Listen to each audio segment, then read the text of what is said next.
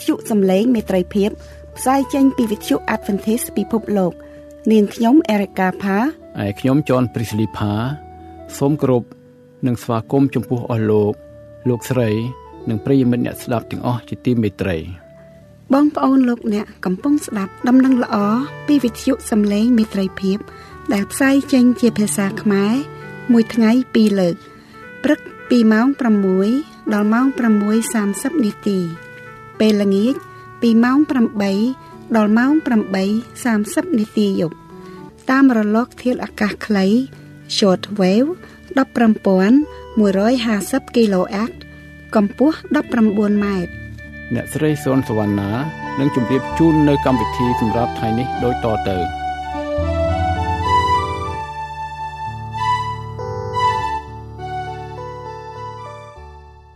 មុននឹងលើកយកកម្មវិធីប្រវត្តិសាស្ត្រនៃថ្ងៃសបាតមកចែកជូនដល់បងប្អូនលោកអ្នកដែលកំពុងស្ដាប់វិទ្យុសំឡេងមេត្រីភាពយើងនេះ យើងសូមអញ្ជើញលោកគ្រូជួយពន្យល់បំភ្លឺអំពីថាតើពាក្យថ្ងៃសបាតនឹងមានសារៈសំខាន់យ៉ាងណាទៅ ហើយតើមានសារៈសំខាន់អ្វីខ្លះដល់ជីវិតមនុស្សទូទៅ និងពិភពគ្រីស្ទៀនសូមគោរពអញ្ជើញ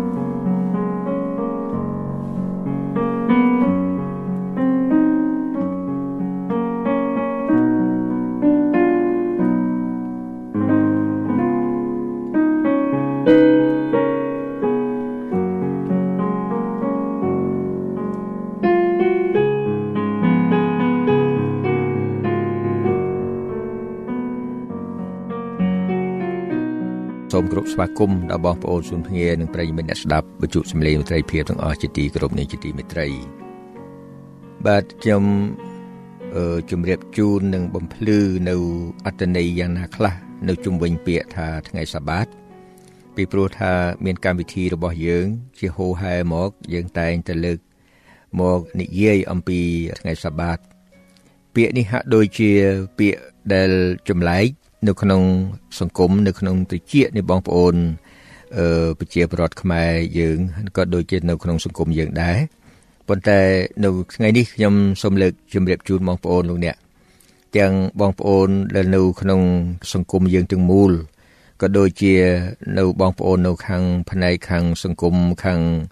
អឺគេហៅ Christendom គឺខាងពិភពខាង Christian ក៏សូមជម្រាបជូនបងប្អូនទាំងអស់គ្នា ដើម្បីយើងបានពិចារណាមើលជាមួយគ្នា នៅក្នុងខ្លឹមសារនេះពាក្យនេះពីព្រោះថានៅក្នុងពាក្យដែលយើងលើកមកជម្រាបជូនបងប្អូន ប្រសិនបើបងប្អូនមិនយល់មិនស្គាល់អំពីខ្លឹមសារអំពីអត្ថន័យនៃពាក្យនោះ ហាក់ដូចជាមិនមានសារៈសំខាន់អ្វីសម្រាប់បងប្អូន ដើម្បីនឹងស្វែងយល់ដើម្បីនឹងចំណាយពេលណាបងប្អូនក៏អាចនឹងសួរថាតើខ្ញុំនឹងចំណាយពេលទៅតើមានប្រយោជន៍អ្វី ថ្ងៃនេះខ្ញុំនឹងនាំមកជម្រាបជូនបងប្អូនសុនភ្ញាទាំងអស់ឲ្យបានជ្រាបអំពីពាក្យខ្លឹមសារនៅជុំវិញនៃពាក្យថាថ្ងៃសបាតនេះ ដើម្បីជូនបងប្អូនទាំងអស់គ្នាឲ្យបងប្អូនបានយល់ហើយថាខ្លឹមសារដ៏សំខាន់នៃពាក្យនេះនឹងអាចនាំឲ្យបងប្អូនទាំងអស់គ្នានឹងយកចិត្តទុកដាក់ស្ដាប់ហើយនឹងគិតពិចារណាមើលឡើងវិញជាមួយគ្នា ខ្ញុំសូមលើកយកចំណុច4យ៉ាងតាក់ទងទៅនឹងពាក្យថ្ងៃសបាតនេះនៅក្នុងព្រះគម្ពីរបរិសុទ្ធគឺថាពាក្យថ្ងៃសបាតនេះយើងឃើញនៅក្នុង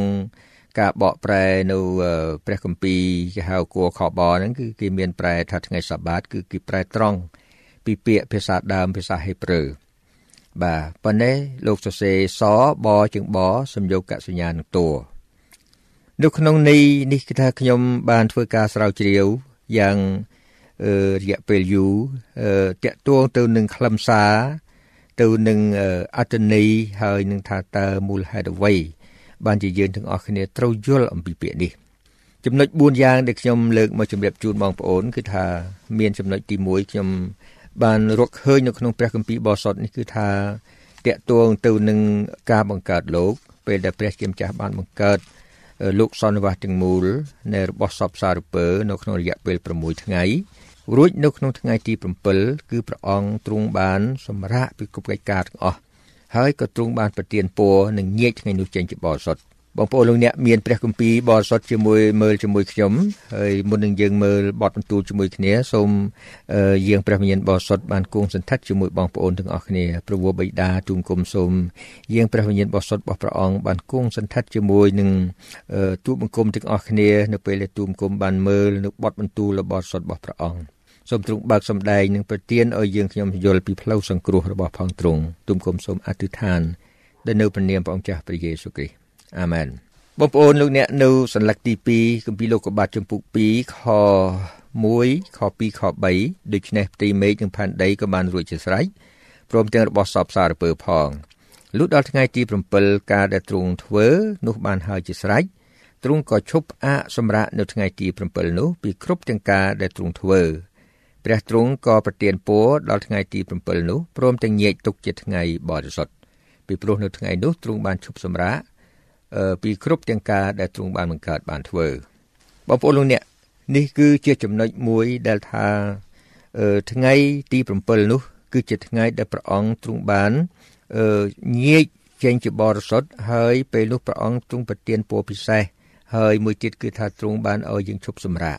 ព្រះអង្គដែលបង្កើតបោះសពសារពើមកគឺព្រះអង្គទ្រង់មើលឆ្វេងយល់នៅគ្រប់កិច្ចការនៅសេចក្តីត្រូវការស្បែបយ៉ាងទាំងអស់ នេះដែលអ្នកប្រាជ្ញព្រះគម្ពីរគេហៅថាជាអឺប្រពោ3ប្រការ គឺទ្រង់ប្រទានពរទ្រង់ញែកជាបរិសុទ្ធហើយនឹងទ្រង់ឲ្យយើងឈប់សម្រាកមួយទៀតចំណុចនៅក្នុងនឹងដែរគឺថានៅក្នុងពេលដែលព្រះជាម្ចាស់បានប្រដេស្ថានសួនស្បែកដែនគឺមានពិធីតែពីរគត់ពិធីធំធំ ដែលគេហៅថាកូនភ្លោះមួយគូពីនគរឋានសួគ៌ បើយើងមើលបកទៅខាងលើតិចនៅនៅខាងក្រោយតិចគឺលោកកបាត់ចម្ពុក1អឺខ28បាទខ28អឺទ្រង់ក៏ប្រទានពរដល់គេហើយមានបន្ទូលថាចូលបង្កើតកូនឲ្យចម្រើនជាច្រើនឡើងឲ្យមានពាសពេញលើផែនដីចុះនេះគឺជាពិធីមួយដែលកើតមុនគេបង្អស់នៅពេលដែលព្រះជាម្ចាស់បានបង្កើតអាដាមអេវ៉ាមកនឹងគេថាព្រះអង្គបាន រៀបចំគេហៅ ordain គឺបានបានរៀបចំឲ្យមានជាពិធីពិធីដ៏ដ៏ពិសិដ្ឋមុនគេនោះគឺពិធីមង្គលការពិធីមង្គលការហើយនៅក្នុងចម្ពោះ2មាញ់មិញនេះគឺជាពិធីការថ្វាយបង្គំព្រះដូច្នេះពិធីពីរនេះដែលគេហៅថាកូនភ្លោះមួយគូពីនគរឋានសួគ៌គឺមានភាពសុក្រិតមានភាពពិសិដ្ឋនៅក្នុងនោះបាទដូច្នេះយើងឃើញថានេះយើងអាចនិយាយបានថាជារូបមន្តនៃសុភមង្គល ពេលដែលព្រះជាម្ចាស់បង្កើតមក ហើយមិនទាន់មាន មិនទាន់មានការដិតដាមដោយអំពើបាបទេដូច្នេះនេះយើងអាចនិយាយថាជារូបមន្តនៃសុភមង្គលបាទដូច្នេះបងប្អូនលោកអ្នកដែលខ្ញុំនិយាយទៅនេះបងប្អូនអ្នកដែលបានស្គាល់ព្រះហើយក៏នេះបងប្អូនដែលមិនទាន់បានស្គាល់ក៏សូមពិចារណាមើលថាព្រះជាម្ចាស់បង្កើតរបស់សពសារពើរួចហើយព្រះអង្គបានរៀបចំឲ្យគេណា ចឹងបានជាមនុស្សយើងសពថ្ងៃនេះគឺថាការដែលមានកូនប្រពន្ធការដែលយើងអាចនឹងបង្កើតពងពូជតទៅទៀតនឹងគឺថាជាគេហៅសុភាវគតិមួយដែលមិនចាំបាច់ណាទៅបង្រៀនទេពីព្រោះអីពីព្រោះថានឹងមានតាំងពីដើមកំណើតមកបាទដូច្នេះមួយទៀតពីរឿងការថ្វាយបង្គំមនុស្សយើងអ្នកណាក៏ដោយថាការថ្វាយបង្គំគឺជាសុភាវគតិមួយទៀតដែលមនុស្សអ្នកណាក៏រួចថ្វាយបង្គំព្រះដែរប៉ុន្តែចំណុចមួយដែលសំខាន់ត្រង់ថាតើយើងស្គាល់ព្រះដែលបង្កើតយើងព្រះដ៏ជាព្រះអធិការឬឬអត់ ដូច្នេះហើយនៅក្នុងចំណុចនេះគេថាចំណុចទី1ហ្នឹងគឺនិយាយអំពីថាពិធីនៃថ្ងៃទី7ហ្នឹងគឺជាថ្ងៃគេហៅថានៅក្នុងរង្វង់នៃសប្តាហ៍មាន7ថ្ងៃគេថាថ្ងៃទី7ហ្នឹងគឺដែលព្រះអង្គទ្រង់បាន បង្កើតប្រព័ន្ធថ្វាយបង្គំមុនគេបង្អស់នៅក្នុងសួនស្បៃដែនលោកបងប្អូនមើលខ្ញុំអញ្ជើញបងប្អូនមើលនៅក្នុងគម្ពីរនិខមណាំងជំពូក20ខ10យើងនឹងមើលឃើញនៅគេហៅថា អឺការដែលអឺបង្ហាញប្រាប់ណាភាសាអង់គ្លេសហៅ progression progression មានន័យថាការដែលវិវត្តក៏បាន នៅក្នុងនឹងគេថាពាក្យនៅថ្ងៃទី7ហ្នឹងដល់ពេលយើងមើលនៅក្នុងគម្ពីរនិខមណាំងជំពូក20ខ10តែឯថ្ងៃទី7ណាដែលនិយាយ3ដងនៅលោកកបាតចំពូក2ខខនៅ2ខ3មិញនេះគេថានៅក្នុងនិខមណាំងចំពូក20ខ10ថាតែឯថ្ងៃទី7 នោះជាថ្ងៃឈប់សម្រាកថ្វាយព្រះយេហូវ៉ាជាព្រះនេះឯងវិញបងប្អូនមានពេលមើលទាំងអស់យ៉ាងណាប៉ុន្តែខ្ញុំបង្ហាញប្រាប់ទៅនឹងយើងឃើញមួយឃ្លានេះខ្លីទេតែឯថ្ងៃទី7នោះជាថ្ងៃឈប់សម្រាកបាទថ្ងៃឈប់សម្រាកខ្ញុំសូមបើកវងកញ្ចក់កន្លែងនឹងតិចនៅក្នុងការបកប្រែព្រះគម្ពីរនៅក្នុងគម្ពីរគួខបកន្លែងនៅពាក្យថាថ្ងៃឈប់សម្រាកបាយមីងហ្នឹងគឺថា អ្នកបកប្រែហ្នឹងគាត់បាក់ដាក់នៅក្នុងភាសាដើមគាត់ថាឯថ្ងៃទី7នោះគឺជាថ្ងៃសបាតថ្វាយព្រះយេហូវ៉ាជាព្រះនេះឯងវិញបាទនោះគាត់ថាគាត់មិនដាក់ថ្ងៃឈប់សម្រាកទេនោះជាចំណុចល្អមួយហេតុអីដែលបានជាខ្ញុំថាថ្ងៃជាចំណុចល្អពីព្រោះថានៅក្នុងសង្គមយើង ពាក្យថាថ្ងៃឈប់សម្រាកនេះគឺថាអឺបងប្អូនយើងគាត់យល់ថាបើយើងទៅសួរនរណាម្នាក់ថាបងប្អូនតើថ្ងៃណាថ្ងៃឈប់សម្រាក មនុស្សទូទាំងប្រទេសកម្ពុជាយើងគឺថាសន្តានចិត្តខ្មែរនរណាមួយក៏ចង្អុលទៅថ្ងៃអាទិត្យដែរពីព្រោះថ្ងៃអាទិត្យនោះគឺជាថ្ងៃដែលគេឈប់សម្រាកពីការងារលៀងអាជីពតើខុសឬត្រូវតើត្រឹមត្រូវត្រឹមត្រូវថ្ងៃនេះគឺជាថ្ងៃគេហៅថាថ្ងៃឈប់សម្រាកពីការងារលៀងអាជីពណាគឺថ្ងៃឈប់សម្រាកប៉ុន្តែបើយកមកប្រើនៅក្នុងន័យព្រះគម្ពីរគឺសូមបងប្អូនជាពិសេសគ្រិស្តបរិស័ទដែលកាន់ព្រះគម្ពីរបរិសុទ្ធណាសូមសូមមើលឡើងវិញកន្លែងហ្នឹង ពីពួកបងប្អូនបើមិនមើលទេពាក្យសម្រាយនេះអាចនាំឲ្យយើងធ្លាក់ចុះឬឲ្យយើងបាននៅចិត្តព្រះនេះខ្ញុំសូមរំលឹកជូនបងប្អូនដែរពីព្រោះថាម៉េចថ្ងៃជប់សម្រាប់បើយើងយល់ថាថ្ងៃជប់សម្រាប់គឺយើងថ្ងៃអាទិត្យបន្តិចទៀតយើងមើលទាំងអស់គ្នាឃើញថាថ្ងៃទី7គឺជាថ្ងៃសបាថ្វាយព្រះយេហូវ៉ាកន្លែងបើយាយចំថាជាថ្ងៃសបាថ្វាយបង្គំព្រះយេហូវ៉ាយើងអត់មានយកថ្ងៃទៅថ្វាយព្រះបានទេបាទគឺថ្វាយបង្គំព្រះបាទ ដូច្នេះយើងឃើញថាចំណុចនឹងសំខាន់ណាស់ទៅទូទាំងព្រះគម្ពីរទាំងអស់ព្រះគម្ពីរដែលបកប្រែទៅជាភាសាខ្មែរហ្នឹងកន្លែងណាដែលនិយាយថាថ្ងៃឈប់សម្រាកហ្នឹងណាគឺតាំងពីលោកកបាត់រហូតដល់ព្រះគម្ពីរវិវរណៈខ្ញុំសរសើរគម្ពីរគួរខបរងថាលោកអ្នកបកប្រែហ្នឹងលោកដាក់ថាថ្ងៃសបាតមិនហ៊ានប្រែទេបាទទុកឲ្យបងប្អូនយល់ខ្លួនឯងចុះបាទ ពីព្រោះថាដូចយើងរៀនភាសាអង់គ្លេសបើភាសាណាដែលពិបាកខ្លាំងមែនទែនទៅបើក dictionary មើលខ្លួនឯងទៅបើកវចនានុក្រមមើលខ្លួនឯងទៅឃើញឃើញខ្លឹមសារបាទឥឡូវនេះយើងនាំគ្នាមើលពីថ្ងៃនឹងពីព្រោះថានៅក្នុងសន្តានចិត្តបងប្អូន ជាពិសេសបងប្អូនដែលមិនមិនបានស្គាល់ច្បាស់ហ្នឹងក៏គិតឃើញថាពាក្យនោះមិនសូវមានតម្លៃហើយមិនមែនជាកំហុសបងប្អូនទេគឺថានេះមកពីអីពីព្រោះថាយើងមិនបានស្គាល់ បាទឥឡូវនេះខ្ញុំនាំបងប្អូនមើលគឺយើងឃើញ progression ពីថ្ងៃទី7ហ្នឹងគឺជាថ្ងៃឈប់សម្រាកគឺថ្ងៃសាបាតថ្វាយបង្គំព្រះឥឡូវបងប្អូនមើលទៅទៀតសួរថាតើថ្ងៃណាដែលជាថ្ងៃនឹងពិតប្រាកដនោះណាពីព្រោះសពថ្ងៃនេះនៅក្នុងពិភពគ្រីស្ទានហ្នឹងគេថាមានបងប្អូនមួយចំនួនគាត់គាត់និយាយថានៅថ្ងៃសបាតថ្ងៃទី7គឺថ្ងៃអាទិត្យឥឡូវយើងយើងមិនថាបងប្អូននៃ អឺខុសឬត្រូវទេប៉ុន្តែយើងនាំគ្នាមើលពីគោលសំខាន់នៅក្នុងព្រះគម្ពីរគេហៅថា biblical landmark biblical landmark នៅក្នុងព្រះគម្ពីរគឺថាវាពិសេសជាង ប្រកដីទិន Gregorian ឬប្រកដីទិនអឺស្អីផ្សេងទៀតគេថាមិនមិនស្មើនឹងព្រះគម្ពីរទេព្រោះព្រះគម្ពីរបានសរសេរនៅគម្ពីរសញ្ញាថ្មីសរសេរតាំងពីនៅក្នុងសតវត្សទី1ម្លេះ គឺមិនទាន់គឺសករាជមិនទាន់ទាំងបាន100ផងបាទពោះគម្ពីរទាំងអស់នៅក្នុងគម្ពីរសញ្ញាថ្មីចាប់ផ្ដើមសរសេរពីគឺសករាជ55ទៅចប់នៅ95បាទ45ទៅ95វាជា50ឆ្នាំបាទ50ឆ្នាំចប់បាទដូច្នេះហើយអានឹងហើយដែលយើងអាចយកជាគេហៅថាជាជាគោលសំខាន់នៅក្នុងការដែលយើងស្វែងរក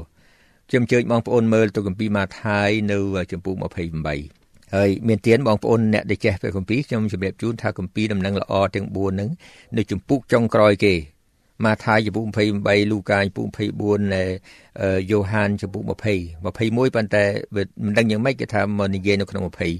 វាហើយ4ចុះណា4 28 24 20 16 16គឺគម្ពីរម៉ាកុសគម្ពីរម៉ាកុសគម្ពីរយ៉ូហានចំពោះ20គម្ពីរលូកាចំពោះ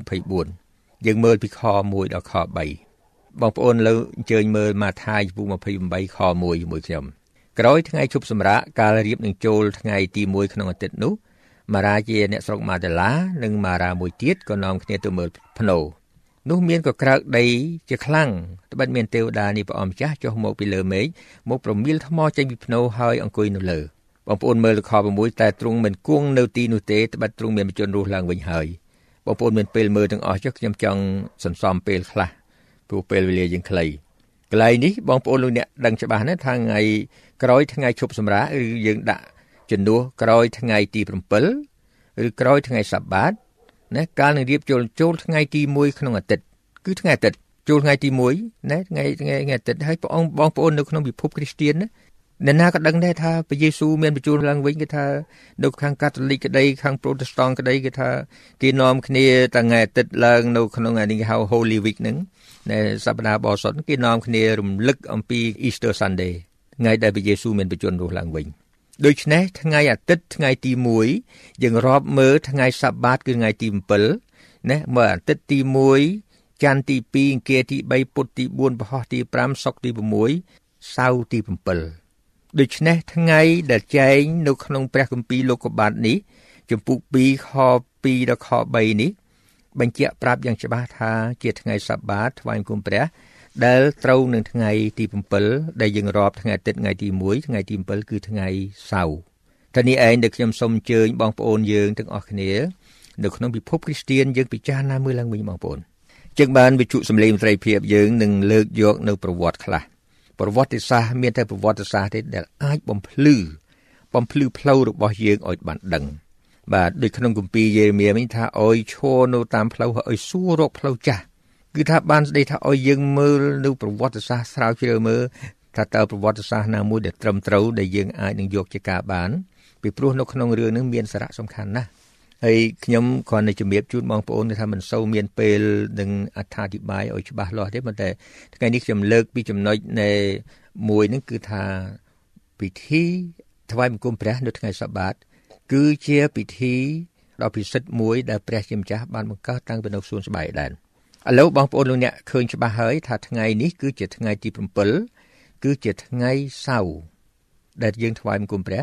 តាមព្រះគម្ពីរឥឡូវបងប្អូនមើលចំណុចដែលខ្ញុំបង្ហាញចំណុចមួយទៀតត្រង់ថាសារៈសំខាន់នៃថ្ងៃសបាតនោះគឺមានលក្ខណៈមួយគឺជាសញ្ញាដ៏នៅអស់កលសញ្ញាដ៏នៅអស់កលតើយ៉ាងម៉េចខ្លះដែលយើងហៅថាសញ្ញាដ៏នៅអស់កល បងប្អូនលោកអ្នកមើលជាមួយខ្ញុំសិននៅនិខមណាំងចំពុក31យើងនឹងឃើញថាជាព្រះបន្ទូលរបស់ព្រះអង្គដែលចង្អុលបង្ហាញច្បាស់ណាស់ថានៅនិខមណាំងចំពុក31ខ12ថាព្រះយេហូវ៉ាទ្រង់ក៏បង្គាប់ម៉ូសេឲ្យប្រាប់ដល់ពួកកូនចៅអ៊ីស្រាអែលថាត្រូវឲ្យឯងរាល់គ្នាកាន់អស់ទាំងថ្ងៃជប់សម្រាករបស់អញជាគុំខាន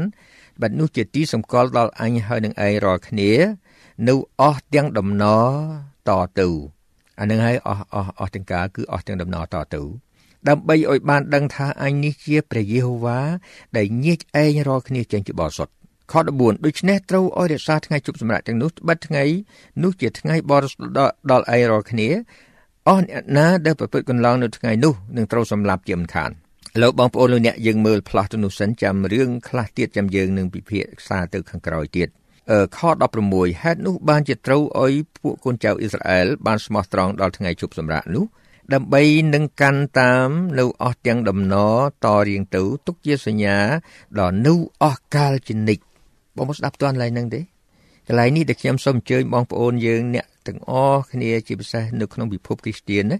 ថ្ងៃសបាតថ្ងៃជប់សម្រាប់ថ្ងៃសបាតថ្ងៃទី7គឺជាថ្ងៃសៅរ៍គឺជាសញ្ញាដែល នៅអស់កាលជានិច្ចបើសិនបើមានពាក្យថាអស់កាលជានិច្ចសួរថាតើមានកន្លែងណាចប់ទេបងប្អូនថាអត់ទេអត់ចប់ទេ គឺមានរហូត មានរហូតតទៅខ្ញុំសូមជំរាបជូនបងប្អូននៅនៅក្នុងចំណុចមួយមាញ់មិញខ្ញុំបានលើកមកជំរាបដែរថា នៅក្នុងគម្ពីរមានវិធីដែលយើងអាចនឹងផ្ទៀងផ្ទាត់បាន ចំណុចដែលបងប្អូនជួបប្រទះនៅពាក្យថាអស់កាលនេះណាគឺខ្ញុំសូមអញ្ជើញបងប្អូនមើល3ចំណុច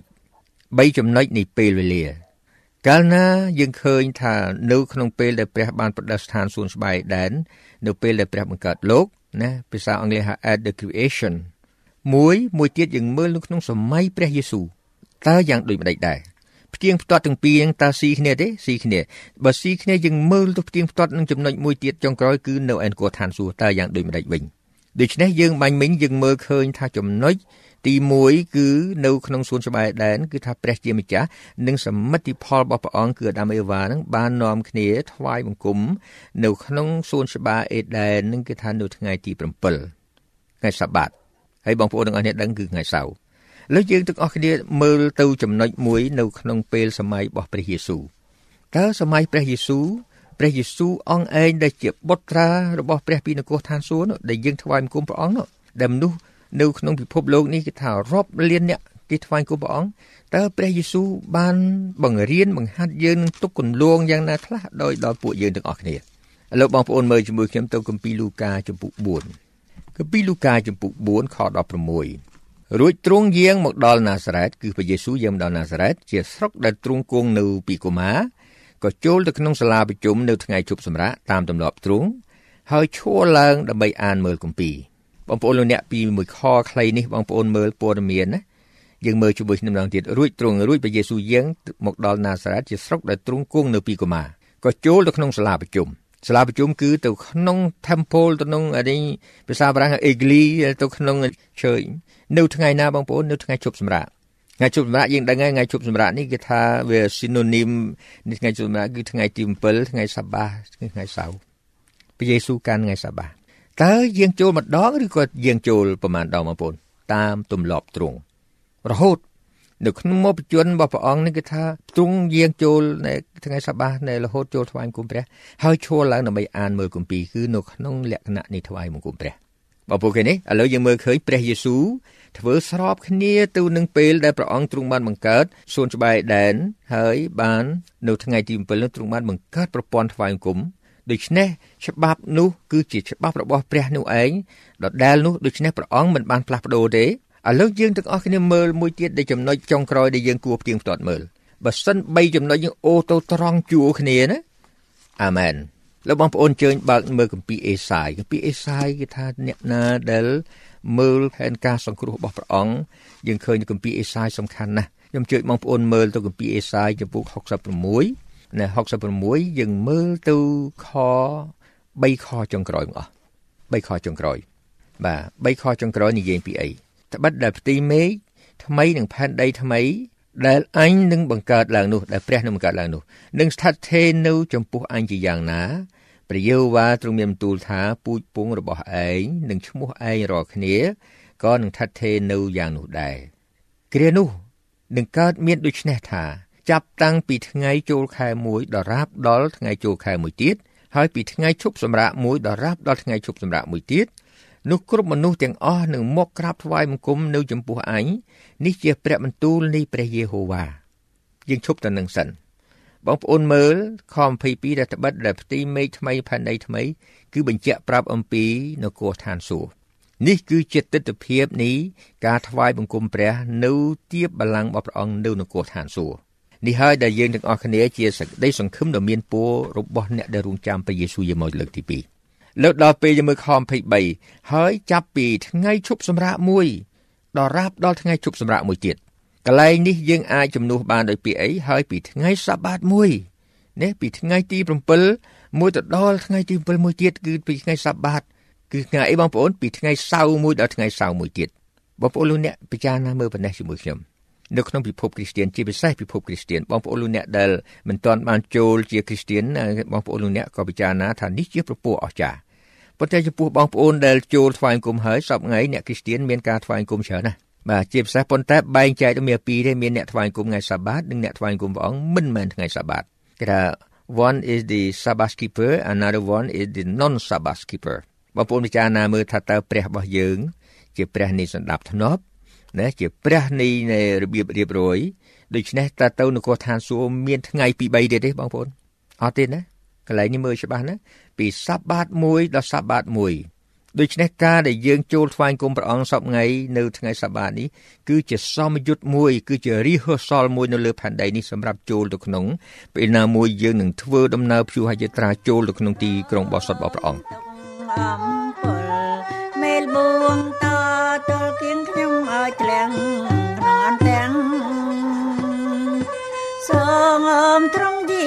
មកវិញទៅផនតម្នេញដល់ខ្មាំងឡោមស្ទាំ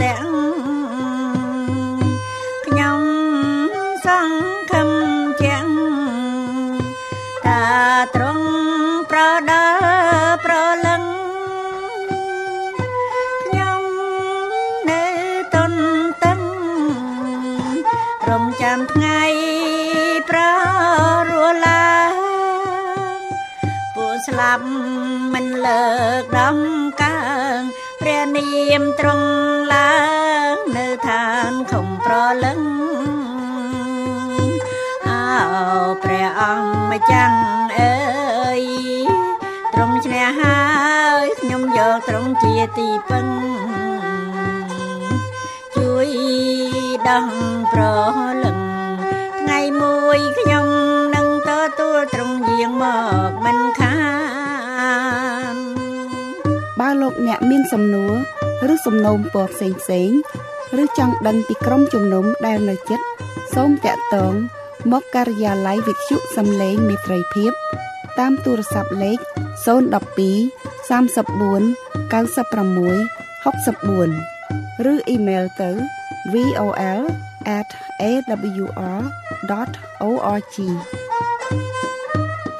កម្មវិធីសម្រាប់ថ្ងៃនេះ ចប់តែប៉ុណ្ណេះវិទ្យុយើង សូមថ្លែងអំណរគុណជាអតិបរមា ចំពោះការយកចិត្តទុកដាក់ស្ដាប់របស់អស់លោកអ្នកនាង សូមព្រះជាម្ចាស់នៃមេត្រីភាព ប្រោះប្រទានព្រះពរគឺសេចក្តីសុខសន្តិភាព អំណរនិងសុភមង្គលជានិច្ចនិរន្តរ៍តរៀងទៅសួស្តី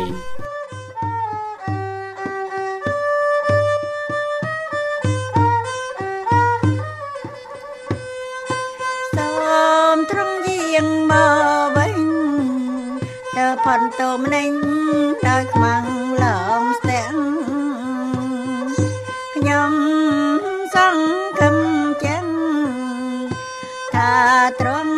ប្រដាប្រលឹងខ្ញុំនៅតនតឹងរងចាំថ្ងៃប្រងរួមឡាពួកស្លាប់មិនលើកដំ